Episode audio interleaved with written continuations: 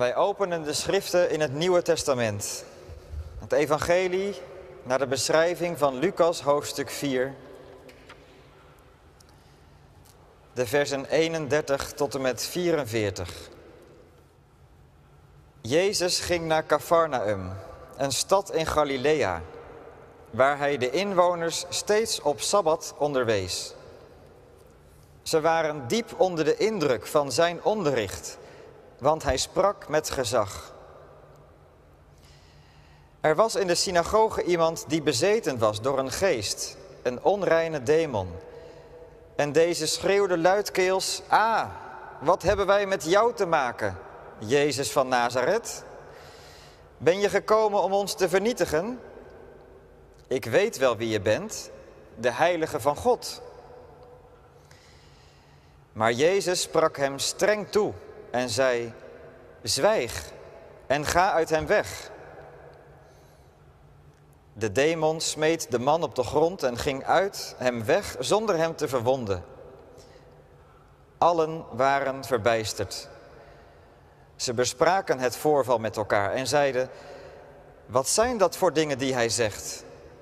Hoe komt het dat hij het gezag en de macht heeft om onreine geesten zijn bevelen te geven, zodat zij de mensen verlaten? Het nieuws over hem verspreidde zich overal in de streek. Na het verlaten van de synagoge ging hij naar het huis van Simon. Simons schoonmoeder had hoge koorts en ze vroegen Jezus om haar te helpen. Hij boog zich over haar heen en sprak de koorts bestraffend toe. Die verliet haar en meteen stond ze op en begon voor hen te zorgen. Toen de zon was ondergegaan, brachten de mensen al hun zieken naar hem toe, aan welke kwaal ze ook leden. Hij legde hun één voor één de hand op en genas hen. Hij dreef ook veel demonen uit die schreeuwden, Jij bent de zoon van God.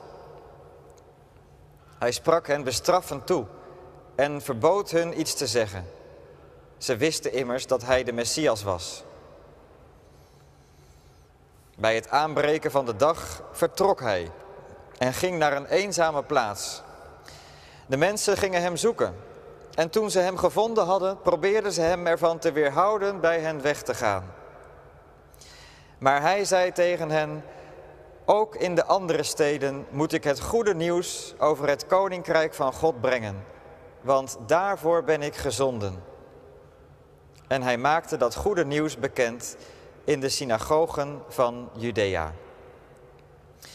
Hier eindigt onze lezing. Dit is het woord van God. Gemeente van onze Heer Jezus Christus, hier in de kerk en thuis. Als er op het schoolplein ruzie ontstaat tussen twee kinderen of tussen twee groepjes, is het ingrijpen van een juf of meester al snel nodig. Hij of zij moet met gezag optreden. We stoppen nu met ruzie maken. En voordat we in de klas weer aan het werk gaan, maken we het eerst goed. Als u jonge kinderen heeft, kunt het u zich vast voorstellen. Jaloezie om de aandacht die een ander krijgt, of vanwege de kwaliteiten die een ander heeft, zorgen nogal eens voor ruzie. Maar ook in het groot gebeurt zoiets op eenzelfde manier. Als iemand vindt dat een ander te veel ruimte krijgt op het werk of in de maatschappij, wordt dat vaak duidelijk gemaakt opzichtig of juist heel subtiel. En ook dan is er iemand met gezag nodig om dat treiteren te stoppen. Iemand die de goede sfeer bewaakt. Wie herstelt de vrede weer? Vanmiddag gaat het ook over ruzie, zou je kunnen zeggen. Twee botsende werelden. En er is iemand met gezag nodig die het goed komt maken. Iemand die het kwaad bestraft. Iemand die de vrede komt herstellen. Jezus is naar Capernaum gegaan, of Cafarnaum. een havenstad aan het meer van Galilea. Hij kwam vanuit Nazareth, vanuit heuvelachtig gebied en daalde af naar dat stadje aan de rand van het meer. Cafarnaum, dat was ook een stad waar Romeinse soldaten gevestigd waren. Een Romeinse garnizoenstad. Een stad met heel diverse inwoners, Joden, maar ook heidenen. Mensen die nog niet gehoord hadden van Jezus Christus of van de God van Israël. Maar Jezus daalt naar hen af en hij begeeft zich onder hen. Hij was met preken begonnen in een vertrouwde omgeving, de stad waar hij was opgegroeid. Dat lezen we kort hiervoor in Lucas 4. Maar daar treft hij weinig geloof. Er gebeurt niet veel als hij daar preekt. Maar als we dan het gedeelte lezen van vanmiddag, met name de eerste verse, dan lezen we dat de setting heel anders is. Het gaat er heel anders aan toe. De mensen waren diep onder de indruk van Jezus' onderricht, want hij sprak met gezag. Het is alsof de mensen zeggen, die Jezus mag nog wel eens terugkomen. Wat een begenadigd spreker is hij. Zoiets hebben we nog nooit gehoord. Hoe is dat vandaag de dag in de kerk? Hoe is dat voor u en voor jou als je thuis meekijkt? Let eens op die woorden van Jezus, ook al zijn ze zo bekend. Let eens op die wonderen die hij deed. Hij heeft de gave van het woord. De gave om mensen mee te nemen, om ogen te openen, om harten te raken. Laat je vandaag ook meenemen. En probeer je in te leven in een van die hoorders in die tijd. In een van de zieken die in dit gedeelte genezing ontvangt.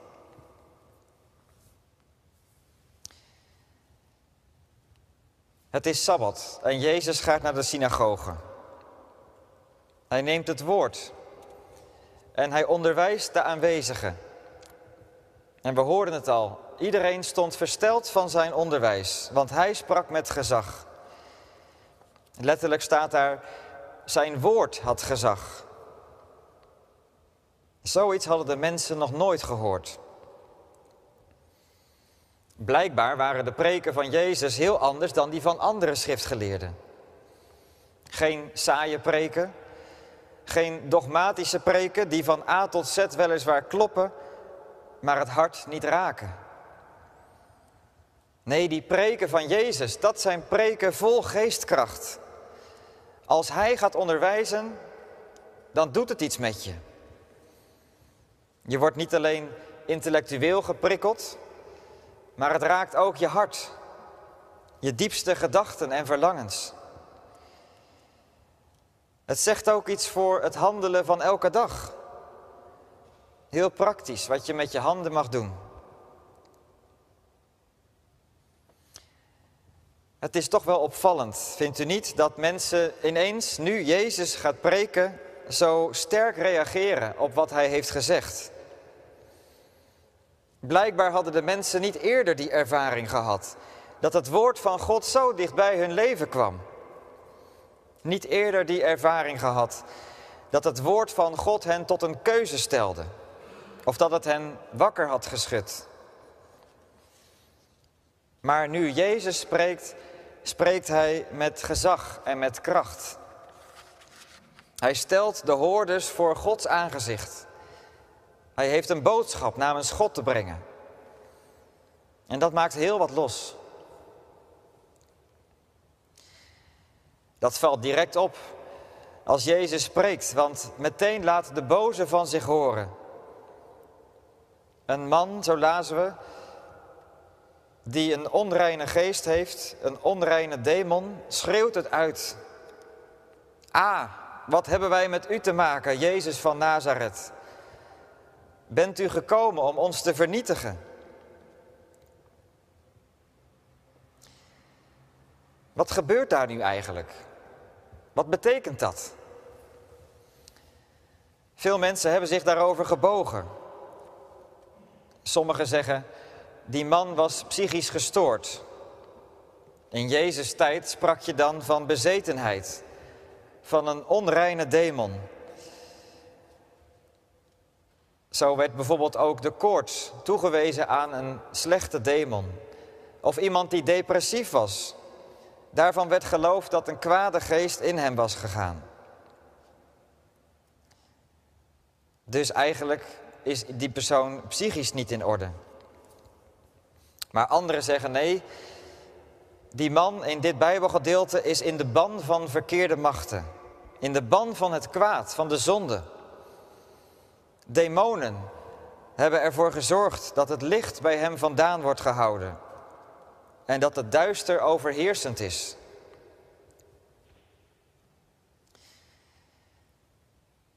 Als we dat zo lezen over demonen en duivels, moeten we bedenken dat al voor de tijd dat het Nieuwe Testament geschreven werd, voor de tijd dat Jezus op aarde leefde, ook de Grieken al intensief bezig waren geweest met het streven naar geluk, het streven naar het goede leven. Zij streefden naar een leven zonder ziekte en zonder lijden. En daarom ontwikkelde de bekende Griekse filosoof Aristoteles de leer van het eudaimonisme. Als je dat woord in tweeën knipt, dan heb je het woordje ui, goed, en daimon, ziel of geest. Het ging dus om het streven naar een goede geest, een goede ziel, geluk. Maar hier in ons gedeelte komen we dus het tegenovergestelde tegen. In deze man was geen goede geest, geen geluk, maar ongeluk had deze man getroffen. Een onreine geest was in hem gekomen. Opvallend trouwens dat deze man gewoon in de synagoge aanwezig is. En dat nu ineens die onreine geest naar buiten komt. Je mag aannemen dat hij vaker in de synagoge kwam. En dat hij keer op keer die woorden uit de Torah gehoord had. Maar nooit eerder was hij zo uitgevallen. Nooit was het anderen opgevallen dat hij zo was. Tot deze keer. Nu dat woord van God met gezag klinkt, voelt die onreine geest zich aangevallen.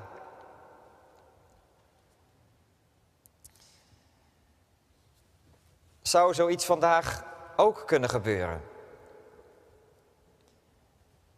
Ik denk als wij dat mee zouden maken, dat iemand begint te schreeuwen, dat we al snel denken, hij of zij moet maar naar de dokter.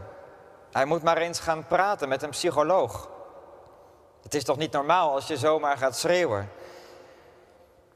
Misschien heeft het wel te maken met trauma's uit het verleden.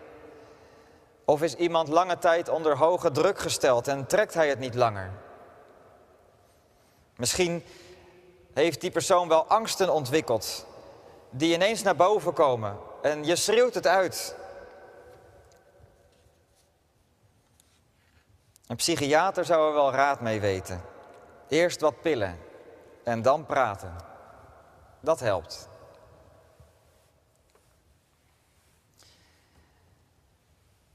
Kan er ook meer aan de hand zijn? Ik moest denken aan een boekje van uw gemeentelid en terrorisme-expert Beatrice de Graaf, die een aantal jaar geleden in haar boekje Heilige Strijd schreef dat na 9-11 wereldwijd veel meer gesproken en geschreven wordt over het kwaad. Met bepaalde zoekmethoden werd duidelijk, schreef zij, dat termen als evil, devil en de demons steeds vaker voorkomen na 9-11. En ook op social media buitelen dat soort termen over je heen. En daarmee wil ik ook zeggen, wat zij zegt, dat sinds die tijd wij meer oog lijken te hebben voor kwade machten. Of dat we in ieder geval dat soort woorden gemakkelijker plakken op wat in onze ogen fout is.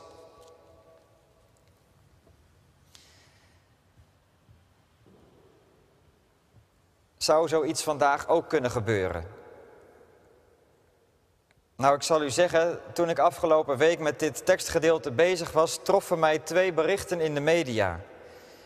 Het eerste bericht ging over de Belgische zanger Stromae. Hij vertelde in een interview op televisie dat over zijn burn-out en depressies. En dat hij ook zelfmoordgedachten had. Hij schreef er een liedje over. L'enfer, Frans voor de hel.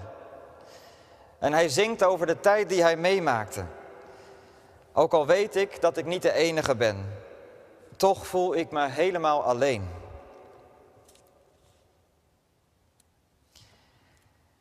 Later die week een tweede bericht over jongeren tot 30 jaar die door zelfdoding aan het leven, uit, om het leven zijn gekomen. Dat is de afgelopen jaar 15% hoger geweest dan voorgaande jaren. De pandemie maakt dat jongeren eenzamer zijn in deze tijd. Ze worstelen met gevoelens van teleurstelling en machteloosheid. Zien het niet meer zitten, zien soms geen uitweg meer.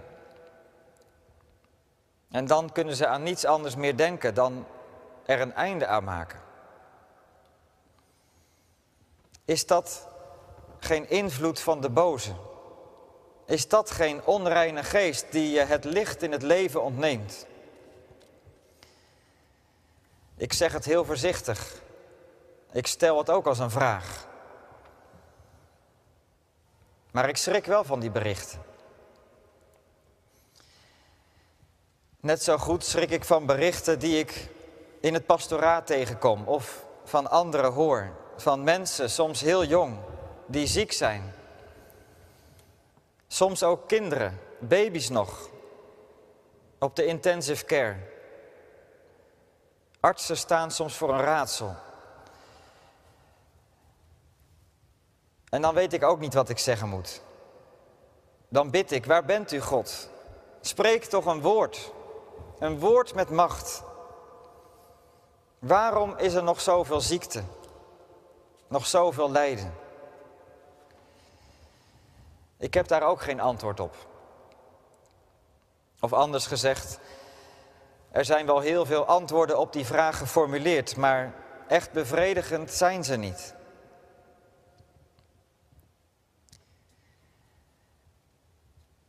Jezus spreekt een woord met gezag, met kracht. En die onreine demon laat zich horen. Hij begint luid te schreeuwen.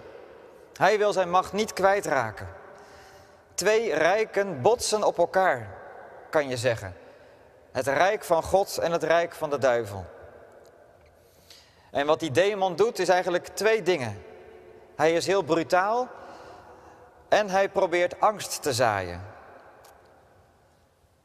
Wat hebben wij met u te maken, Jezus van Nazareth?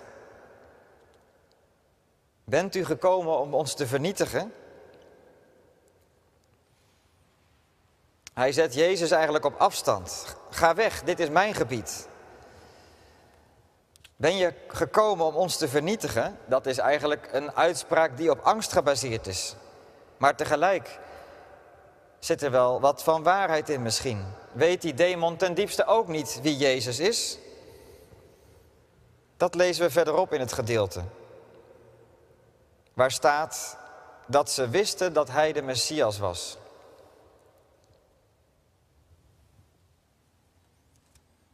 Wat opvalt is Jezus' reactie. Hij gaat daar helemaal niet op in. Op die woorden van die demon. Maar hij bestraft die demon. Dat staat drie keer in dit gedeelte. Bij elk wonder opnieuw. Jezus bestraft de demon. Jezus bestraft de koorts. En tot slot spreekt hij de andere demonen bestraffend toe. We komen het ook later in het evangelie tegen. Bij de storm op het meer. Dan spreekt Jezus de golven en de wind bestraffend toe. Ook hier is dat een kernwoord, bestraffen. En ik denk nog even terug aan die ruzie op het schoolplein. Tussen die twee kinderen, waar de juf of meester tussen moet komen. Het kwaad moet worden bestraft. Anders komt er geen einde aan, de ruzie. En Jezus bestraft ook hier de ziekte, anders komt er geen einde aan. En dat wil hij nu juist, dat er een einde komt aan de zonde. Een einde aan dat wat je gevangen houdt. Drie keer bestraffen.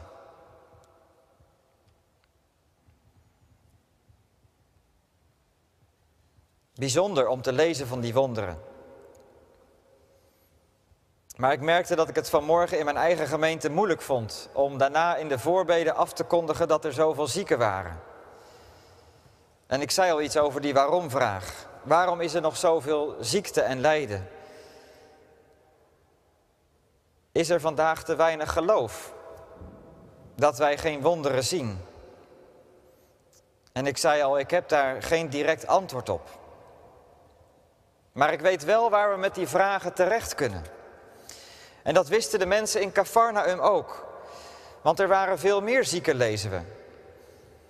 Als de zon is ondergegaan, dat wil zeggen, als de Sabbat is afgelopen, dan komen de mensen met al hun zieken naar Jezus toe.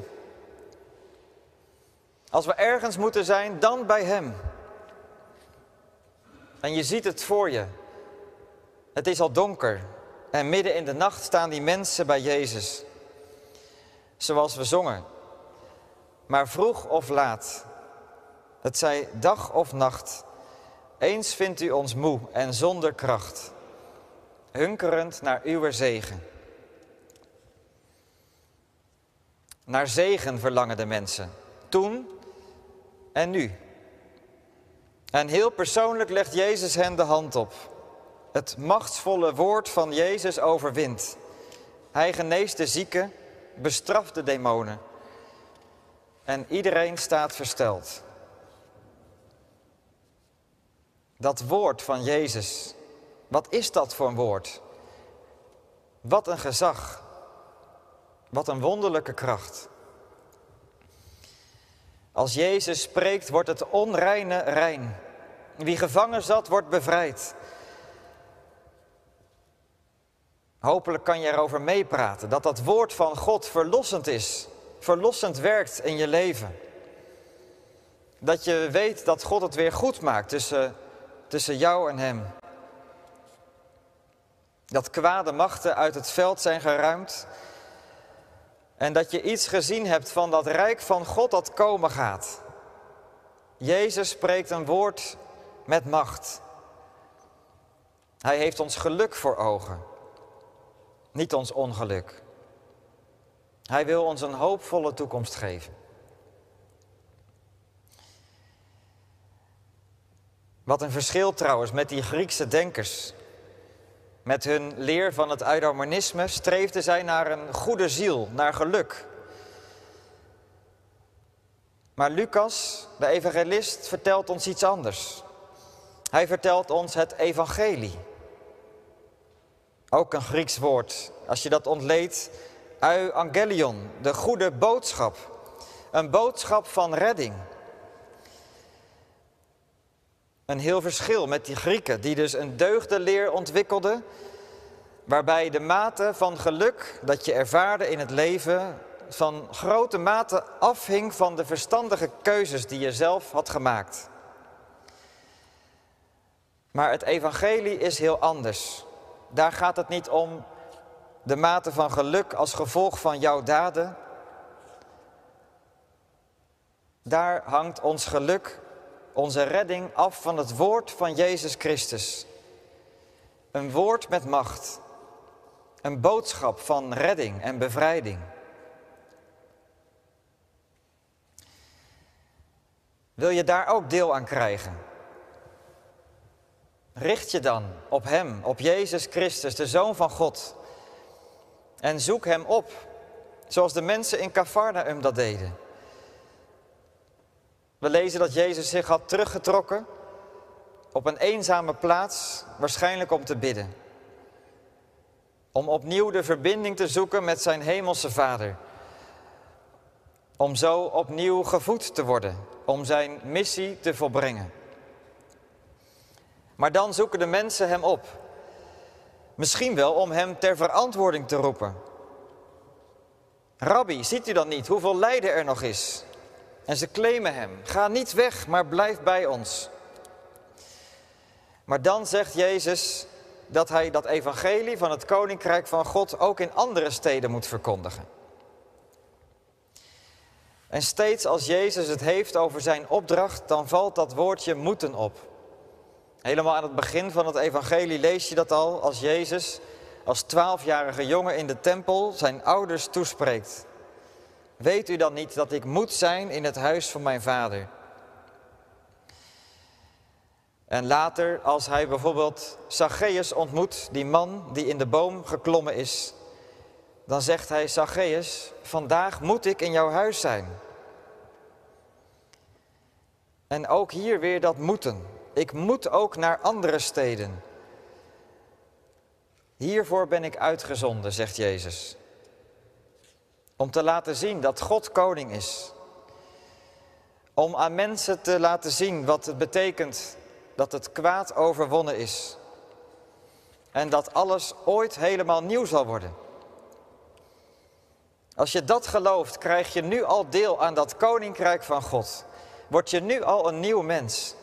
Dat is het evangelie. De goede boodschap die ook vanavond klinkt.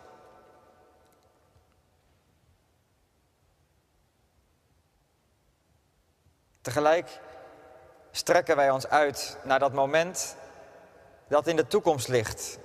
Dat de macht van de boze definitief gebroken zal worden en het koninkrijk van God ten volle door zal breken. Deze week is de week van gebed. Misschien hebt u al van gehoord. Het thema is licht in het duister. Laten we samen als christenheid wereldwijd bidden om licht. Bidden dat God de banden van het duister breekt. Laten we bidden om een einde van de nacht. Om het met woorden van gezang 435 te zeggen. Kom toch om de macht te breken van de vorst der duisternis. Geef in ons bestaan een teken dat uw zegen zeker is. Amen.